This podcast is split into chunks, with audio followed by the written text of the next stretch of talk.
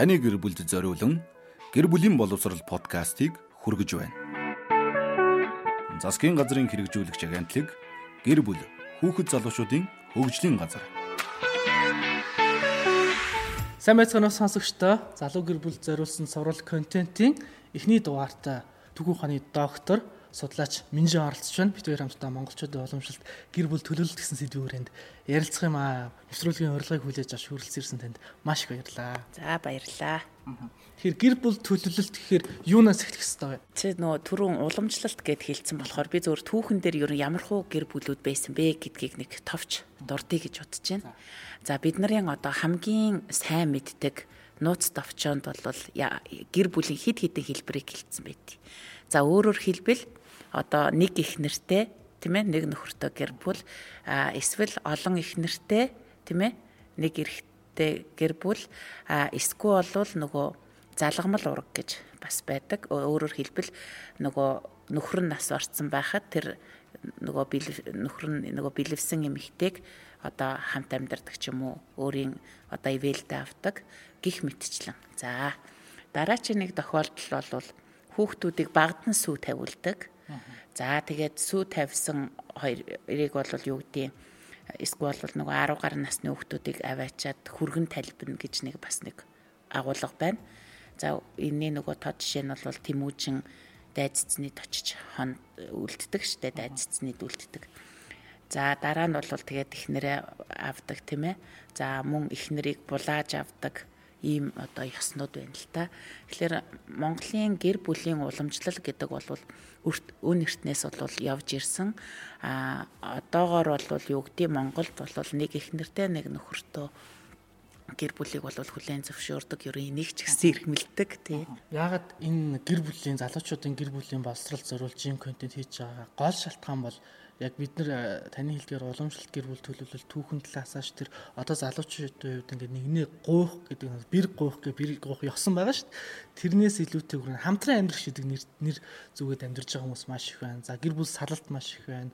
Ганц бие ээжүүд маш их байна. Нийгэмд юм сөрөг мессеж их байгаа учраас гэр бүлийн боловсролтон зориулсан юм контент хэрэгтэй байна гэдэг үднэс ингэж ярилцж байгаа маа. Тэгэхээр яг энэ бэр гуйх ёсон дэр эхнэрэн жирэмсэн болсон. Бэрийн гуйлганд татсан аав нь хадыг юу гэж асуусан? Нэг л жирэмсэн болсон юм чи авчи та гэж асуусан байхгүй. Тэр ийм ёсон байх уу?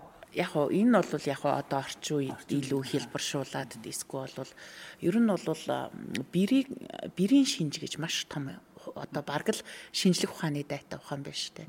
Яагаад бэрийг шинждэг гэж.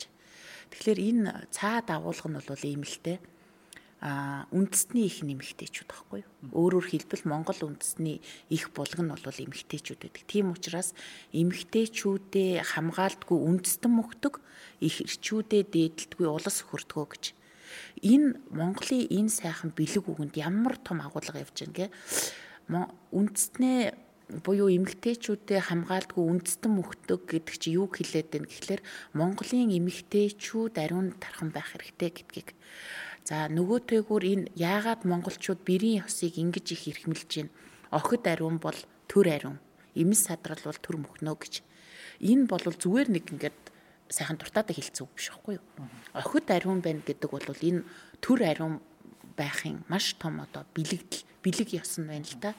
Тэгэхээр энэ нөгөө одоо юу гэдгийг задгай зайд явдалтайч гэдэг юм уу одоо янз бүрийн хүмүүсийг нэрлэдэг шүү дээ. Тэгэхээр энэ бэрийг бол шинжихтэй бол монголчууд ингэдэг удам судар ухааны уужин байдал үг үйлдэлийн зөрүү тэгээд нөгөө одоо эмэгтэй хүн одоо юу гэдгийг тэр нөгөө нөхрийн нэрээр ороод эхнэрийн нэрээр гардаг гэж гал манах охин гэж. Тэгэхээр эмэгтэй хүн бол тулганы галыг манад суугаад байгаа юм бол биш байхгүй юу?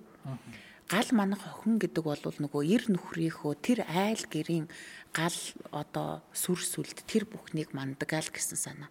Тэгэхээр эмэгтэйчүүд ариун одоо юу гэдэг цэвэр ариун явдалтай эр нөхөртөө хайртай байна гэдэг бол тэр гэр тэр гал голомд өөдөө дэшээ явах юм бэлэгдэл.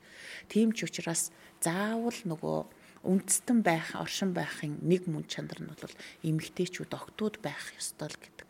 А гэтэл одоо юу гэдэг одоо ингээд ирлиз мэрлиз гээл ярихаар энэ өөрөө цаана асар их одоо муу үр дагаврыг бол авчирдаг л да. Тэгэхээр бэр гуйн гэдэг бол зүгээр нэг хоёр хүүхэд тоорондоо хайр сэтгэлтэй болоод гуйх явдал биш л те. Тэгэхээр залуучууд ч гэсэн өөрийн ирээдүйн эхнэрээ болвол аль нутаг усныхын гарал үүсэл нь хаанахын дээд өвөг дээцүүл нь ямар хүмүүс байсан те. Тэрийг судлах хэрэгтэй. Одоо зарим тохиолдолд ингэдэггүй би өвөөгөө танихгүй, эмээгээ танихгүй.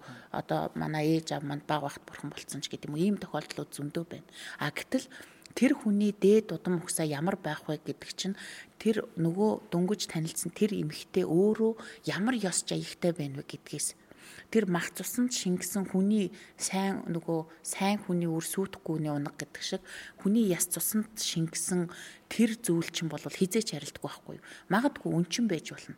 А гэхдээ тэр хүний нөгөө яс цусанд шингэсэн юм чинь 5% үгэнд нь л танигддаг байхгүй юу? Тэгэхээр залуучууд минь ихнэрээ сонгохдоо ер нь одоо өөрийг нь харах хэрэгтэй болж өгвөл ижи аавыг харах хэрэгтэй гэр бүлтэйгээ харьцааг нь харах хэрэгтэй тийм ээ? А ижи аава хэр их хүндлэн эр нөхрөө төдий чинэл дээдэл тэгэхээр ижи аавтайгаа энэ тэнцүү харьцдаг ах цахгүй минди ёсгүй эмгтээчүүд гэдэг бол магадгүй хизээ нэгэн цагт чамтай тийм байдлаар харьцахыг бол үгүйсэхгүй л дээ одоо гэр бүл одоо хэрүүлээ айлмс эзэх гол сэдв нь болохоор ийм байна. Хамтран амьдрах би таньс асуусан. Тэгэхээр ёсолж аваагүй ээж, ёсолж аваагүй ээж чи одоо гуйж аваагүй ээж гэдэг байдлаар нэг хоорондоо тартур хоёр тал руу мана тана гэж яриад яриа хийлдэг те. Ихэвчлэн яг залуучууд яаж гэр болж юм гэхээр хүүхдээ болсон тохиолдолд нэгэнт ингээ хариуцлага үүрлээ гэдэг байдлаар тэр нь яг нэг гэрт ороод ирэхээр яг нэг тав хүнд нь таран танигдаад гэдэг юм уу нэрээ би хинтээс очив ямар хүнтээс очив ямар харилцаатай болчихов гээд ингээд гэр бүл салт үүсэж байгаа ч юм ийм кейсүүд бол маш их байгаа. Тийм. За энэ хамтран амьдрагч гэдэг нэр томьёо бол манад бол өстой нэг ардчлалтай зэрэгцээл орж ирсэн те. Яагаад гэхэлэр энэ хамтран амьдрагч би одоо Европод байж ахт ч гэсэн энэ Европын амьдралын химнэл нь өөрөө юм баггүй юу? Би өмнө нь магадгүй чамд хэлжсэн нөгөө санхүү дээр тогтдог амьдрал байдаг байхгүй? Нөгөө санхүү гэрхэмлдэг. А нүүдэлчд бол мөн чанарыг хэрэгэлдэг. Гэтэл санхүү дээр тогтсон амьдрал бол хоёулаа 50 50 хуваараа нийлээ. Тэгээд хоёулаа хоёр биенийхээ хэрэгцээг хангая. А тэгээд цаашаа магадгүй бие биенийгөө хөгжүүлэхэд дэм болъё гэдэг. Байраа хоёулаа хувааж хөлслөе. Ганцаараа хөлслөхөөр одоо юу гэдэг 1000 евроны байр үнэтэй. А хоёулаа бол 500 евро. Нөгөө мянгаараа идэж уудаг 600 гэдэг нэг эмэгтэй хүнийг хайрлсан бол өөр эмэгтэй над эмэгтэй хүн биш юм шиг харагддаг шээ тийм үү те. Тэгээд тэр эмэгтэйтэйгээ гэр бүл болоод ингээ амьдрахад 100 өөрөө бэлэн зориулна гэдэг итгэл үншлэр ханддаг. А гэтэл маадгүй би тэр хүнийг хараад догтлохгүй те өдөр бүр шинээр дурлахгүй бол магадгүй хоёр дахь харилцаа үүсч болох юм. Чи суурин иргэншлийн одоо сэтгэлгээтэй хүн үү эсвэл бол нүүдлийн иргэншлийн сэтгэлгээтэй хүн үг гэдгээс бүх юм шалтгаалж байгаа юм. Би түрүүн хэллээ. Суурин иргэншил бол мөнгөний харилцаан дээр аваа өгөөний харилцаан дээр тогтдог нэмгийг. Угаасаа суур нийгэм тийм байхгүй. Өөрөөр хэлбэл суурин иргэмжлийн суур нь бол одоо газар тийм ээ одоо юу гэдэг энэ миний газар, энэ миний өмч, энэ миний гэдэг энэ нөгөө өмчлөх сэтгэлгээн дээр суурилсан байхгүй. Одоо энд л би одоо ингээл өөрийгөө тариулаад гэрээ гоё болгоод идэх А нүүдэлчин иргэн бол байгаа газараа зогцож амьдардаг байхгүй. Энэ нөгөө суур сэтгэлгээ нөр болчиход байгаа байхгүй. За тэгэхээр монголчууд бол ингэдэг штеп. Өө дээр үед ингээл баг богтлоод авчдаг байсан гэсэн бодож санах юмгүй тэр нь амарч юм уу гэл. Тэ?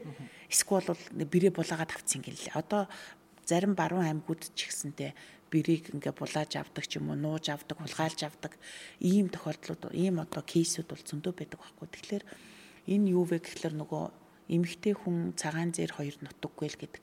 Эмэгтэй хүн дасаж дурладаг, эрэгтэй хүн харж дурладаг гэж.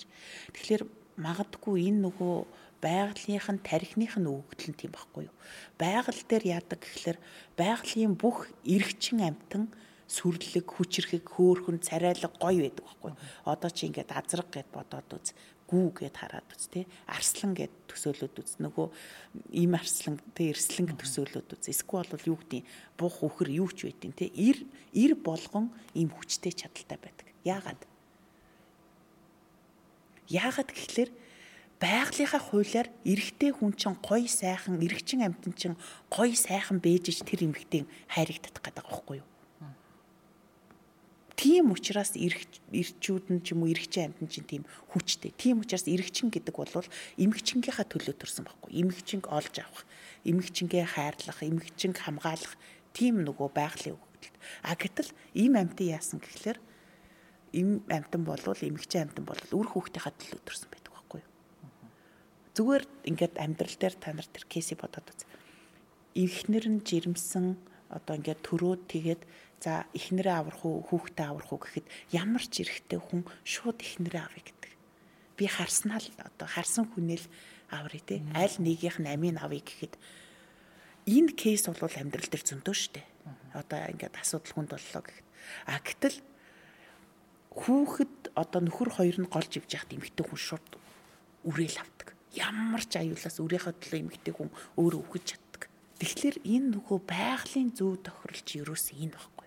Тэгэхээр тэр эмэгчин амьтнаг ялангуяа тэр нөгөө ирчүүд ингээд харахтаа би энэ нэмэгтэйгээс хүүхдтэй болвол одоо миний хүүхэд сайн сайхан болно ч гэдэг юм уу те энэ нэмэгтэй миний удмыг төрүүлж чадна ч гэдэг юм уу энэ одоо юу гэдэг энэ нэмэгтэйтэй амьдрал одоо юу гэдэг ингээд бас нэг те өөр хүүхэд нь айтайхан айтайхан болчихно гэдэг юм бол байгалийн зөнгөөр байдаг хонго Тэрнээс биш хавцаа ортонтойгоо нийлэл хүүхдтэй болоод ахыг ямар ч эрэхтэй хүмүүсдгүү. Яг үнгээд нөгөө тохиолдлоор иймэрхүү юмнууд л их байна л да нөгөө шууд нөгөө механик нөгөө автоматар а гэхдээ яг амьд эрэгтэй хүн зүгээр зугаацхыг бол байх л зүйл гэж боддог. А яг амьдралынхаа ханик гэдэг бол эрэгтэй хүн энэ бол асар том шалгуур. Энэ хүнтэй амьдрмаар ч юм шиг. Тэгээл нэг хоёр үг ярихаар зөрчилдөө за болий дооч гэдэг. Тэгээл жоохон холдохоор санаал идэг, эргээл очдаг тий. Энэ бол нөгөө ерөөсөө нөгөө байгалийн хууль гэдэг чинь тийм. Тэгэхээр ирчүүд бол эмэгтэйчүүдийг хамгаалах гэж төрсөн эмэгтэйчүүд бол үр хүүхдийнхаа төлөө төрсөн ийм л юм баггүй. Тэгэхээр би юу гэж хэлэх гээд байна гэхээр ерөөсөө л тэр бид нар өөрөө байгалийн амтан гэдгийг хүлээн зөвшөөрөх хэрэгтэй байхгүй. Бид нар байгалийн амтан, бид нар байглаас хараад эсвэл бол байгальтай зохицож амьдрах хэрэгтэй гэдэг юм. Тэгэхээр л би одоо монголчуудын энэ их одоо өн нэртний уламжилж ирсэн энэ нүүдэлчин соёл бол эрэгтэй хүний ажил, эмэгтэй хүний ажлыг тусад нь хийгээд өгсөн тий. Одоо юу гэдэг ирчүүд нь адуундаа явдаг, эмэгтэйчүүд нь өхөр туглаа хариулдаг ч гэдэг юм уу юу гэдэг. Эсвэл эмэгтэйчүүд нь богино хөлийн малаа хариулдаг, ирчүүд нь урт хөлийн малаа хариулдаг ч гэдэг юм уу энэ бүх ингээд нөгөө нийгмийнхаа энэ байгалийн зүй тогтолоороо эрэгтэй эмэгтэй гэдгийн энэ нөгөө тарихных нь ялгаа, бие физиологийнх нь ялгаа, хэрэгцээнийх нь ялгаа гэдэг гэдэг бүгдийг ингээд тодорхой гаргаад өгсөн болохоор тэнд бол хэрүүл мархан байхгүй шүү дээ. А гэтэл суур нийгэмдэр тэр ялгаа байхгүй байхгүй. Хоёул адилхан машин унаал явчихна хоёулаа адилхан аяга угаа чинь хоёулаа адилхан хоолоо ичнэ. Эсвэл хоёулаа адилхан зугаал чинь, нариг чинь, зинг чинь, шовд чинь. Нөгөө энэ нөгөө байгалийн бие биенээ нөхцөлдүүлдэг энэ юм чинь байхгүй болохоор тэгэл гендер яриад би чи чиний дээр би биний дээр чи гэл ингээл нөгөө эрен би яриад ингээл эхэлдэг байхгүй. Гэтэл Монголын тэр суур юу одоо гэр бүлийн төлөвлөж гэдэг юм уу суур гэр бүлийн ажлын ажил хөдөлмөрийн хуваар гэдэг чи өөрөө юм асар их ялгаатай учраас тэнд бол асуудал байхгүй байхгүй. Тэгжээч л нэг нь нөгөөгөө нөхчиж гэр бүл бүтэн болдог гэр бүлийн гишүүн бүрийн ажил үргээ хуваарлт маш тодорхой байсан учраас тодорхой асуудал гардаг. учраас асуудал гарахгүй. Одоо жишээ нь эр нөхрөл адуундаа явна уу гэхээс биш те эр нөхөр урт хоолны замдаа явна уу гэхээс биш. Эмэгтэйчүүд зэрэгцээл ад уур гарайл адуу явдаггүй л байсан байхгүй яг энэ хоримлох тал дээр тас э, залуучуудаа залуу гэр бүл төлөвлөж байгаа хүмүүс эсэлж биш гэр бүрх гэдэг ярьдэн шүү дээ баруун хорим яагаад чухал гэж Хурим яагаад чухал вэ гэхлээр бүх ах дүүнараа цуглуулад хоёр худ ургуудаа танилцуулаад хоёр тэр одоо ихнэр нөхөр болж байгаа залуу хосууд бүх ах дүүнэрийнхаа өмнө бит хоёр нэг герт орлоо гэдгийг зарлан тунхаглаж байгаа. Тэгээд бит хоёр насан туршдаа бие биенийгээ хайрлана гэдэг амлалтаа өгч байгаа. Хоёр ах дүүнэр ингээд нийлээд худ ург болж байгаа. Эндний чин дараа гэр бүл сална гэдэг чи айгүй төвхтэй байхгүй юу? Өөрөөр хэлбэл те өө нөгөө ингээд аягүй энэ бол ингээд сэтгэлд маш их эмзэг тусдаг. Аягүй эмзэг тусдаг. Магадгүй одоо бол яг хөө зүгээр л үү хурмгийн нэгт хурм, хоёрт хурм, гуравт хурм гэл те. Магадгүй энэ бол хүний амьдралд хурм гэдэг чинь ганц л байдаг байхгүй юу. Энэ хурмыг хийчээд энэ хурмны үн цэнийг өндөр тавч явахгүй бол те одоо тэгж ах дүүнэрээ цуглуулах хэрэг юу вэ? Харамсалтай нь одоо олон гэр бүлүүд энэ үн цэнийг бол эвдээд байна л та. Энэ бол үнэхээр харамсалтай. Одоо энэ дээр одоо хэлэх ч үг болох тий. амьдралд ийм зүйлүүд зөндөл тохиолдож байна. Айгүй сайхан хурим хийгээд 2 3 өдөр найрлаад тий ингэчээ дараа нь дахиад асуудал өөр өөр иргэдэг. Энэ бол одоо монголчуудын хурим гэд тэгэхээр энэ одоо нэг герт орж ийн нэг өрхөө татж ийн галаа бадрааж ийн энэ бүгдэр ч өөрөө нөгөө бэлэгдэлтэй байхгүй юу? Нөгөө хадмынхаа бурханд очиж мөрөгж ийн те. Хөлөндөө жандсан багшийн нэг зангаар амраг гэдэг нэг дуу ятдаг шүү дээ те. Яг тэр нь бурхтай адилхан тэрэн дээр ингээд хадмын бурханд мөргсөн болохоор чи хайрлахгүй байхын аргагүй л гээд. Энэ бүх юм чинь болвол нөгөө ёс дэгтэй учраас тэр нөгөө тэр ёсоо мэддэг хүн тэр ёсыг сахина гэдэг бол өөрөө их нэр хүндий хэрэг байхгүй. А гэтэл одоо тийм ёс байхгүй болохоор тэгэл гуйсан гуйгаагүй ялхаагүй ингээл нэг гэрт орол явж байгаа. Гэр бүл гэр бүлээ ёсолж авна. Ер нь бол Монголынхоо өв соёлыг одоо хурим нараа хийсэн ч ах дүүгээ танилцуулсан ч бэр гуйсан ч гэсэн ёс төртөө байж ээж энэ ёс төрийг хүндэтгэж л энэ бол одоо Монгол энэ мөн чанар уламжлагдаж үлднэ л гэж харж байна. Бидний ярьсан хугацаа энэ өндөрлж байна. Тэгээ гэр бүл төлөвлөхөөр одоо шийтсэн гэр бүлээ бас одоо яг тэр ёстой төртөө төлөвлөхөөр төлөвлөж байгаа залуучууд биднийг сонссон бол яг одоо яг энэ бодит байдалд болж байгаа кейсийг л хоёлаа ярьлаа л да. Тэгээд миний хувьд ч гэсэн бас одоо гэр бүл болох ч байгаа хүнийхээ удам судрын аав ээжийг нь те нутаг сайн харах хэрэгтэй юм байна, судлах хэрэгтэй юм байна. Тэгээд хайр дурлал сэтгэл хөдлөлөөр хандах зүйл бол гэр бүл биш. Хайр дурлал өрхөл нөхрөл байх зүйл тий. 16 8 та хүүхдүүдэд бол харин гэр бүл гэдэг бол шал өөр зүйл юм байна гэдгийг бас ойлгож авсан байхаа гэж найж чинь урилга хүлээж авч ярилцсан тань маш их баярлалаа. За баярлалаа.